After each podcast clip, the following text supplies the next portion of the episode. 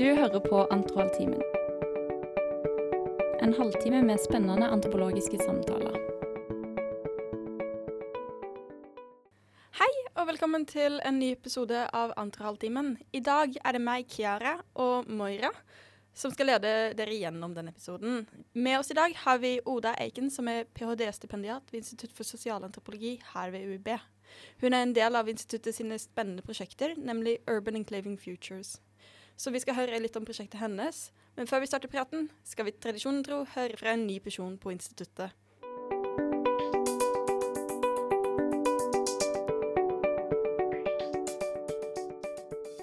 Ja, jeg er Annelin Eriksen, professor i sosialantropologi her på Universitetet i Bergen.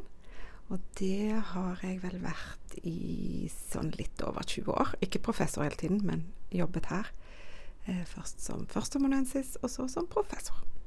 Antropologi for meg handler om å skjønne kulturell variasjon. Hvorfor vi mennesker ikke alltid tenker og ser likt. Vi forstår ting på veldig mange forskjellige måter. Det å skjønne hvordan ulike kulturer utvikler seg, og hvordan ulike perspektiver på alt fra religion til vitenskap til by til kjønn Alt kan være veldig ulikt. Det er min interesse i faget. Så jeg har jobbet med veldig mange forskjellige ting. Først så studerte jeg eh, religion i små øysamfunn i Stillehavet. Men det som på en måte hele tiden drev meg, det var å prøve å forstå hvordan folk kunne endre forståelsen sin av veldig grunnleggende, viktige ting, som hva et menneske er, f.eks. Og hva døden er. Og hva som skjer etter døden. Og når folk ble kristne i Stillehavet, spesielt da på denne øyen som heter Ambrum, i Vanuatu, i det sørvestlige Stillehavet, der som jeg jobbet lenge de første årene av min karriere når jeg tok doktorgrad. Um, de, de, endret altså grunnleggende sett oppfatning av veldig mange sentrale ting, som hva de som mennesker, hva samfunnet, hva dødende, når de ble kristne. Sånn at eh, det må skjønne hvordan en sånn grunnleggende kulturell endring kan oppstå, det var det som jeg eh, startet karrieren med å undersøke. Så i de siste ja, si, to, tre, fire årene så har jeg fremdeles akkurat den samme interessen i akkurat de samme spørsmålene, men nå studerer jeg um, hvordan vitenskapen på mange måter er en driver for akkurat de samme spørsmålene, akkurat de samme endringsprosessene. Altså at vitenskapen på mange måter utfordrer vår forståelse av hva vi er som menneske, hva vi er som samfunn, hva døden er, hva aldring er, osv.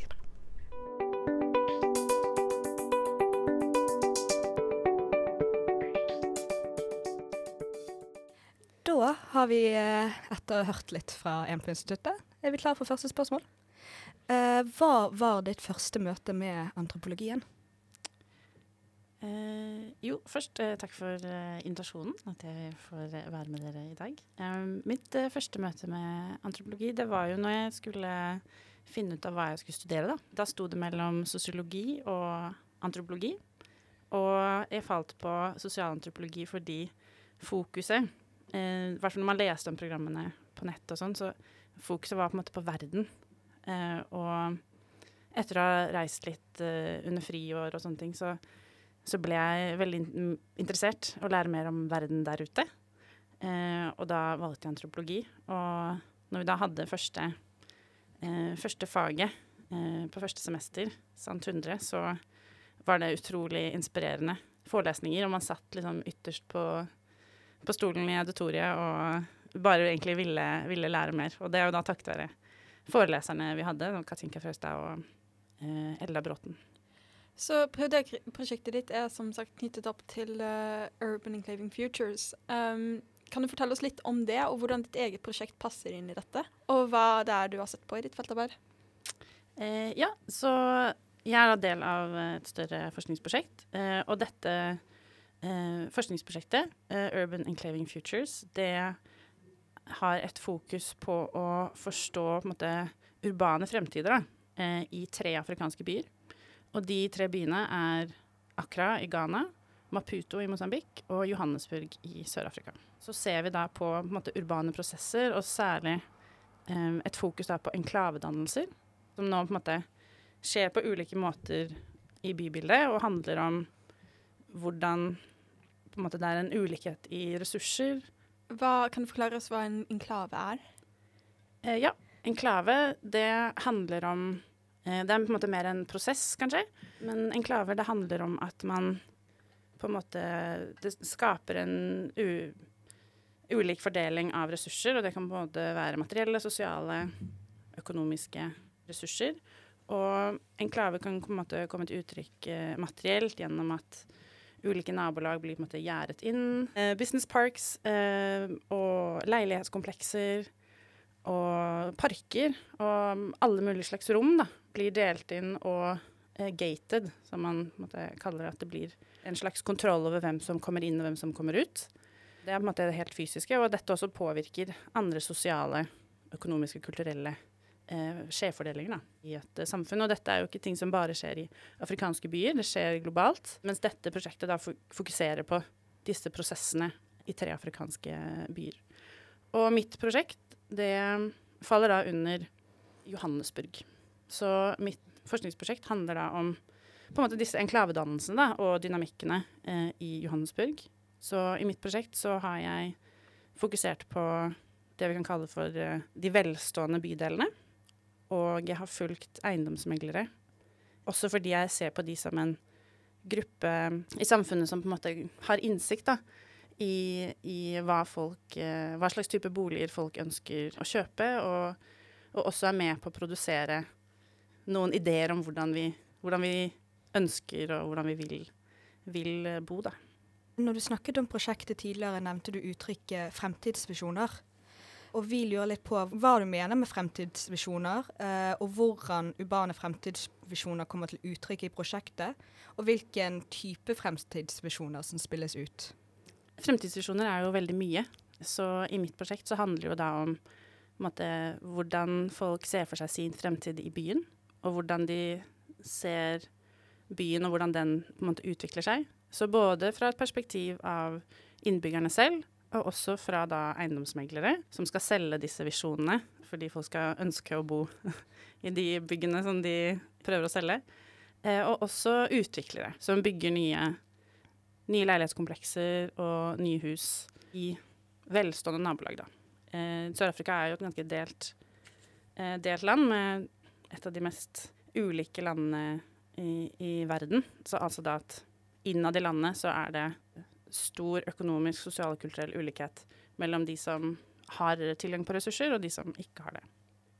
Mm, så fremtidsvisjoner da er jo da på en måte en, en spesifikk gruppe, da. Eller et ja, eh, nivå i, um, i byen. Og, og, hvordan disse fremtidsvisjonene på en måte kom til uttrykk, da.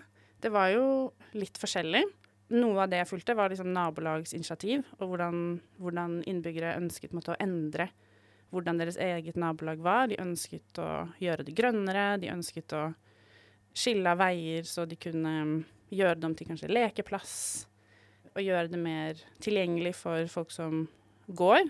Eh, Johannesburg er en by hvor bilen tar en stor del av eh, hvordan folk navigerer og kommer seg rundt. Da.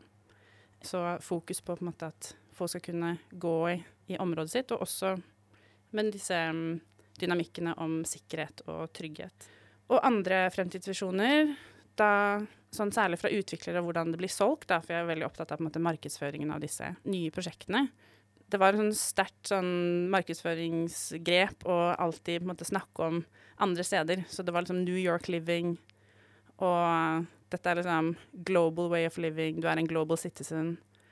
Eh, sånn at disse ideene om fremtiden handler også om ideer om hvordan det er å leve andre steder.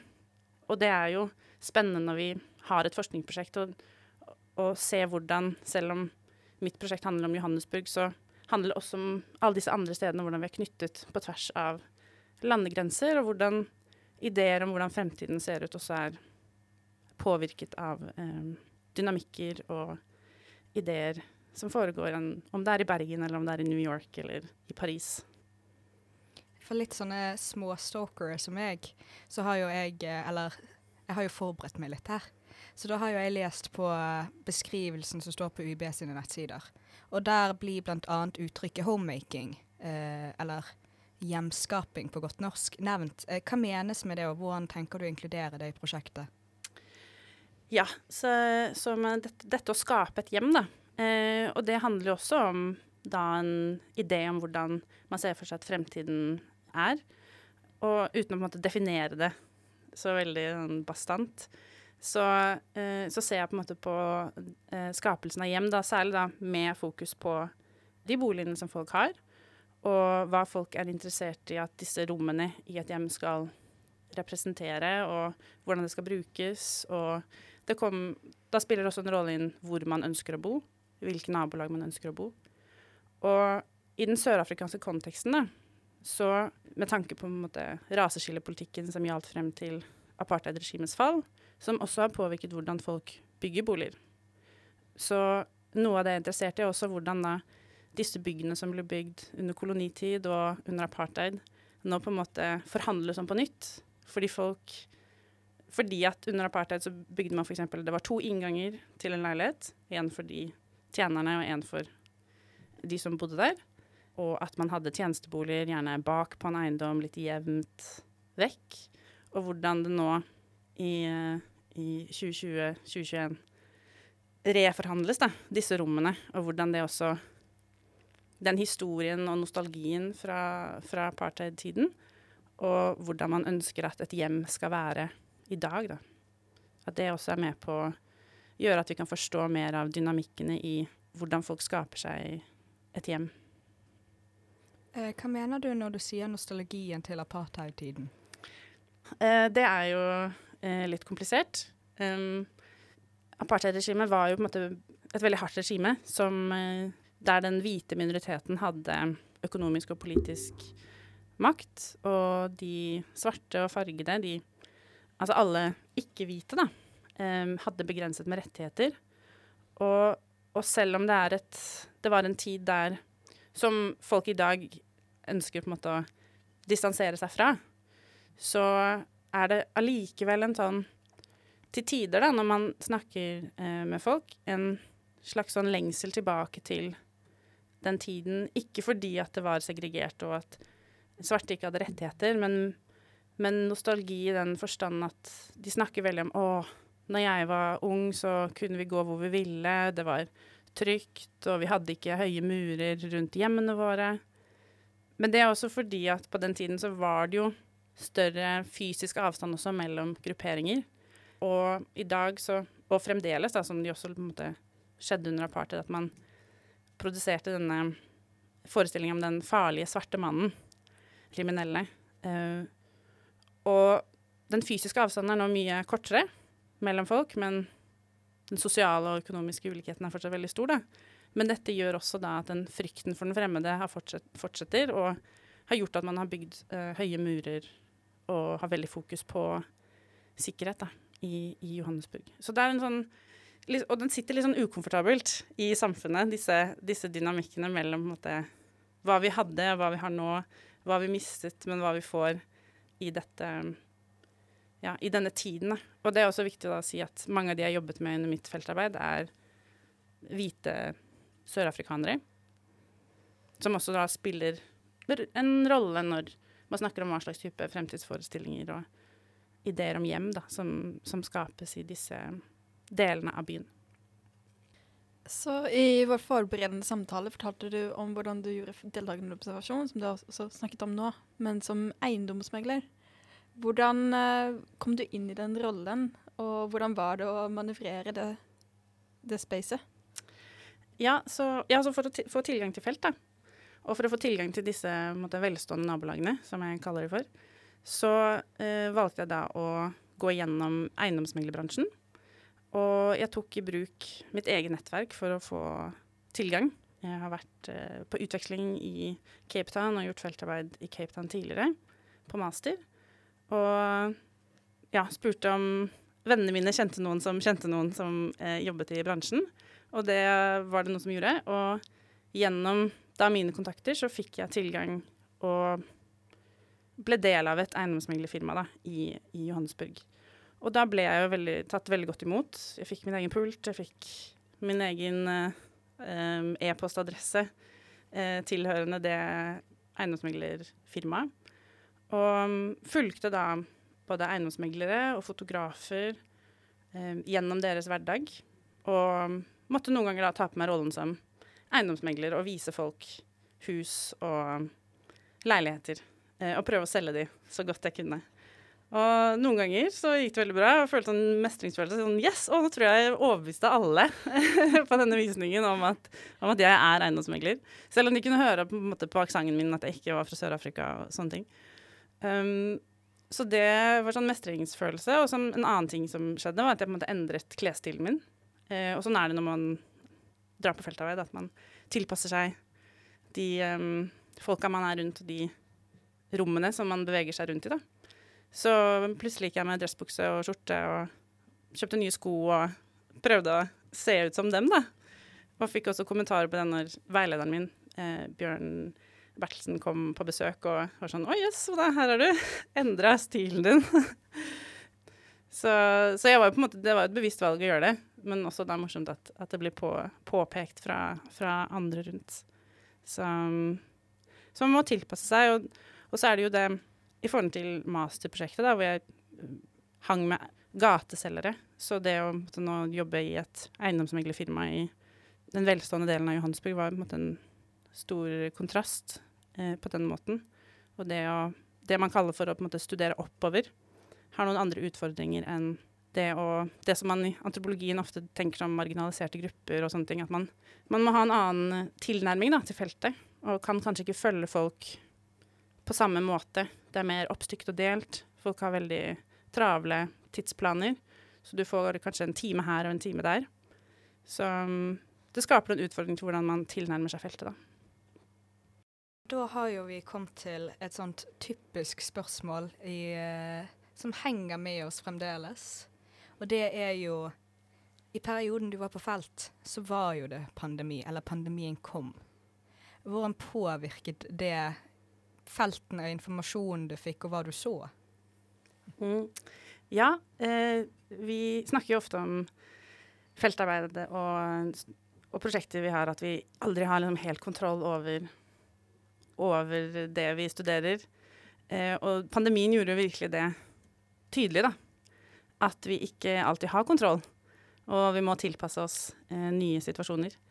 Så jeg hadde vært på feltarbeid i syv måneder når eh, pandemien kom. Den kom jo litt tidligere til Norge enn den gjorde til Sør-Afrika, så jeg fikk jo med meg alt som skjedde i Norge eh, før de samme prosessene utfoldet seg i Johannesburg, og alle tømte hyllene for hermetikk og dopapir.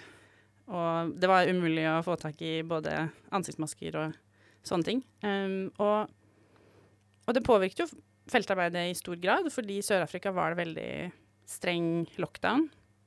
Så fra til, slutten av mars til 1. mai da, så fikk vi kun gå på butikken. Uh, vi kunne ikke bevege oss ute, vi kunne ikke gå tur, vi kunne ikke gå noe sted. Det var ikke mulig å gjøre online shopping engang, så alt var på en måte stengt ned. Da. Så da eh, gjemte jeg meg inn i min lille grønne enklave i forstaden jeg bodde i. Og um, på den måten så flyttet da feltarbeidet seg til å bli he heldigitalt. Så selv om det på en måte digitale var viktig um, hele veien, så fikk det en helt ny dimensjon da, uh, når alt stengte ned. Så som på en måte på, på godt og vondt, da, selvfølgelig. Det, gjorde jo, det skapte mange begrensninger, for vi kunne jo ikke dra og se noen leiligheter eller hus eller sånne ting. Og så åpnet det andre dører fordi hele det meglerfirmaet som jeg jobbet i, flyttet seg over til Zoom. Så da var det plutselig ukentlige Zoom-møter og seminarer som ble satt i gang av ulike folk da, innenfor industrien, ikke bare i det firmaet jeg jobbet i. Og så man deltok på sånne typer arenaer, da. Som jeg ikke hadde gjort så mye i, i forkant av at pandemien eh, kom.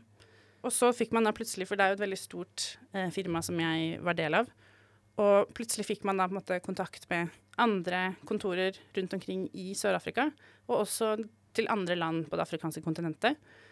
Sånn at det, det åpnet også for, en, for noen rom da, som ikke hadde vært der tidligere. Og, og um, the CEO av selskapet også kom inn og hadde sånne peptalks eh, til sine ansatte. Da. Så det skapte en større forståelse over hvordan firmaet var bygd opp, og en annen type innblikk i prosesser da, som ikke var så tydelige når man bare var til stede i et kontorlandskap. Men det var definitivt en forferdelig periode. Det var ikke bare sånn at det var uh, fint og flott, det var tungt eh, å være lukket inne i en um, hadde litt hage, da, så, så, det hjalp jo veldig. Men å kun gå på butikken en time en gang i uka, det var, det var tungt. Og fra 1. mai så fikk vi lov til å gå tur fra seks om morgenen til ni om morgenen. Så da var jo alle ute samtidig, som det var sånn spesielt god løsning. Det kan man jo uh, diskutere. Men uh, det var definitivt mange, mange begrensninger og mange, mange tunge perioder. Uh, også fordi man ikke visste hvordan dette kom til å Hvor lenge det skulle vare, og hvor, hvordan det kom til å påvirke oss, da. Så det var en tung periode når man da til slutt fikk lov til å gå på kafeen, så var det nesten man følte at man gjorde noe ulovlig, fordi man hadde blitt så vant til det. Og det var, bare, det var også et sjokk å komme til Norge hvor det, når jeg kom, nesten ikke var noen begrensninger. Så jeg følte meg som en smittebombe som ikke turte å gå ut av huset. Så det er jo veldig på en måte metodologiske betraktninger. Men hvordan påvirket pandemien og, og rommet rundt det eh, funnene dine? Hvordan påvirket det eh, måten folk forholdt seg til det å kjøpe og selge eiendom? Det, det, påvirket jo folk i stor grad. Og i, under pandemien så ble det jo ikke mulig engang å kjøpe og selge. Eh, I Norge så var jo den delen av eh, markedet åpent, så folk kunne gå på visninger og sånne ting. Men i Sør-Afrika var det helt stengt. Så det dannet seg en sånn propp, da. Som når, når det løsnet og man plutselig fikk eh, kunne kjøpe og selge igjen, så gikk det på en måte plutselig markedet opp igjen. For det var en Ja, den proppen løsna. Og så har det på en måte sklidd litt uh, ut igjen. Men det har jo påvirket folk i, i den grad at de Man revurderer hva man syns er viktig. Hva slags type hjem man ønsker å skape, hva man trenger i et hjem. Kanskje man ikke vil bo i leilighet. Man vil bo i hus, man vil ha den hagen. Og um, for mange så har det også skjedd en trend at man flytter kanskje til litt mindre byer, mindre bygder, og jobber remote working, da, fordi man eh, bruker Zoom, og datamaskinen kan man ta med seg hvor som helst. Eh, og så gikk jo renta ned, sånn som den gjorde her i Norge. Og med historisk lav rente i Sør-Afrika så er det sånn på ca. 7% mens i Norge er det jo nede på 2 så det er jo uansett eh, vanskelig å bare sammenligne de dynamikkene. Og så var det mange som mistet jobben. Eh, så mange ble tvunget til å selge. Så, så, en av de tingene som måtte åpne seg litt opp, var at folk var mer åpne om å snakke om økonomiske utfordringer da, enn det man var før pandemien. Og litt den der fellesskapet at vi alle har gått gjennom det sammen, så ble det lettere for mange å dele at man slet økonomisk, eh, kanskje. Det, så det har påvirket i mange retninger. Da. Det har vært gjort det lettere for noen å kjøpe, og så har det blitt vanskeligere for andre fordi at eh, de har mistet eh, inntekt. Også fordi mange, selv om de ikke mistet jobben, så fikk de kuttet lønningene sine betraktelig. Og nå er det fremdeles vanskelig for mange, og det, det er eh, Det er ikke lett. Eh, og det er et marked i Eiendomsmarkedet i Sør-Afrika er eh, Når du selger nå, så er det Du får mindre igjen enn det du kjøpte for tidligere, da. Sånn at det er det er tungt for mange også å selge noe som de føler selv at har stor verdi, men som markedet på en måte ikke da Vi skal snakke om markedet som en ting, at de ikke anser at det har den verdien som folk føler at det har, da, som også er eh, ja, en tilleggsdimensjon i disse ideene om fremtiden og hvordan man ønsker å bo, og hva man tenker at ting er verdt. Da. Mm, ja, så når man studerer oppover, eh, så innebærer det da at man på en måte studerer eliter.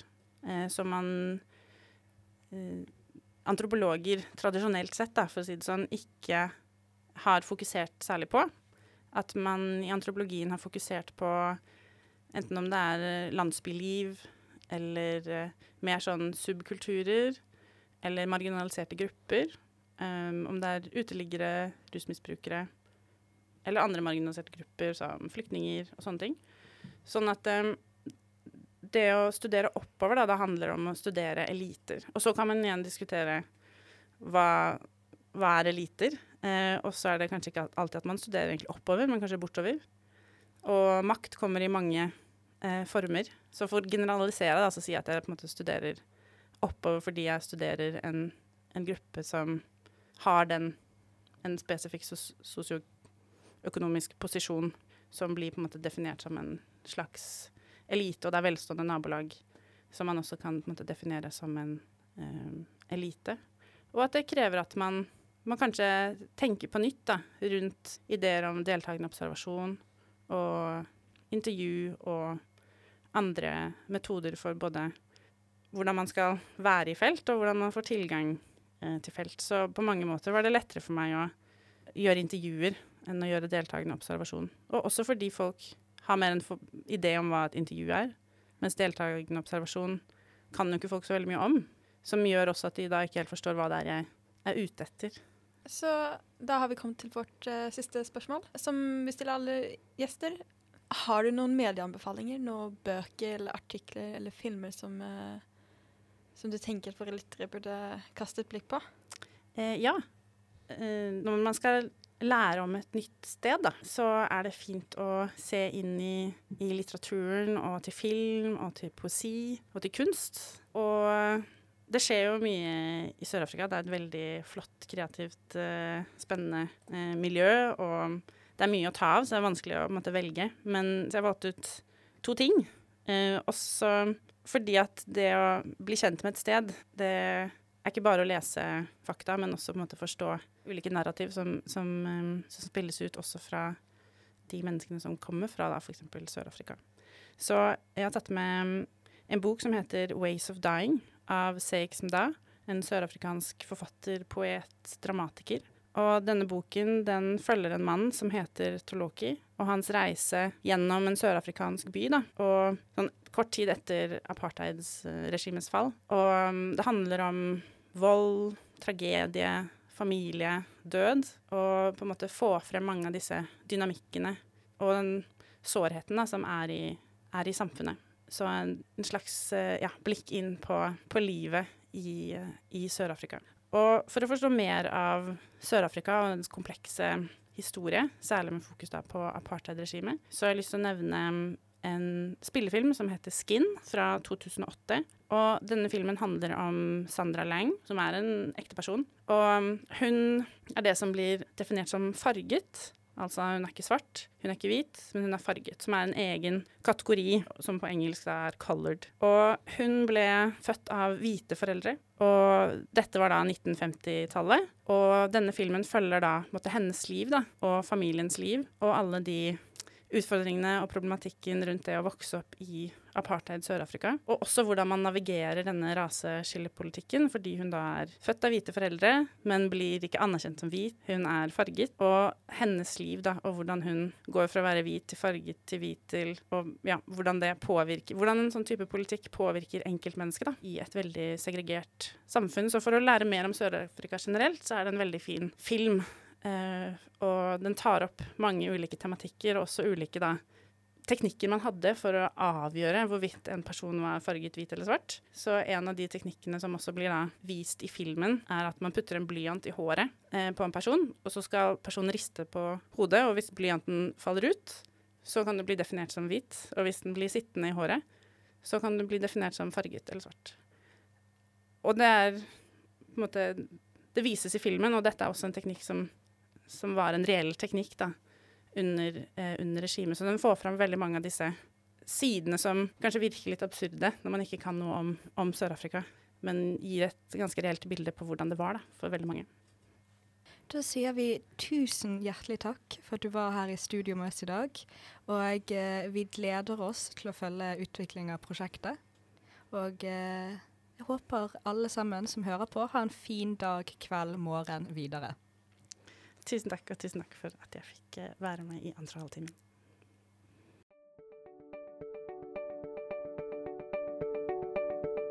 Tusen takk for at du hørte på Antrohalvtimen. Følg oss gjerne på sosiale medier på ett Antrohalvtimen. Hvis du sitter inne med spørsmål eller innspill til temaer du vil høre mer om, så ta gjerne kontakt med oss. Vi ønsker også å få med oss flere folk til å bidra i podkasten, så bli gjerne med uavhengig av hvor du er i studieløpet. Ingen forkunnskaper er nødvendig, så det er bare å ta kontakt.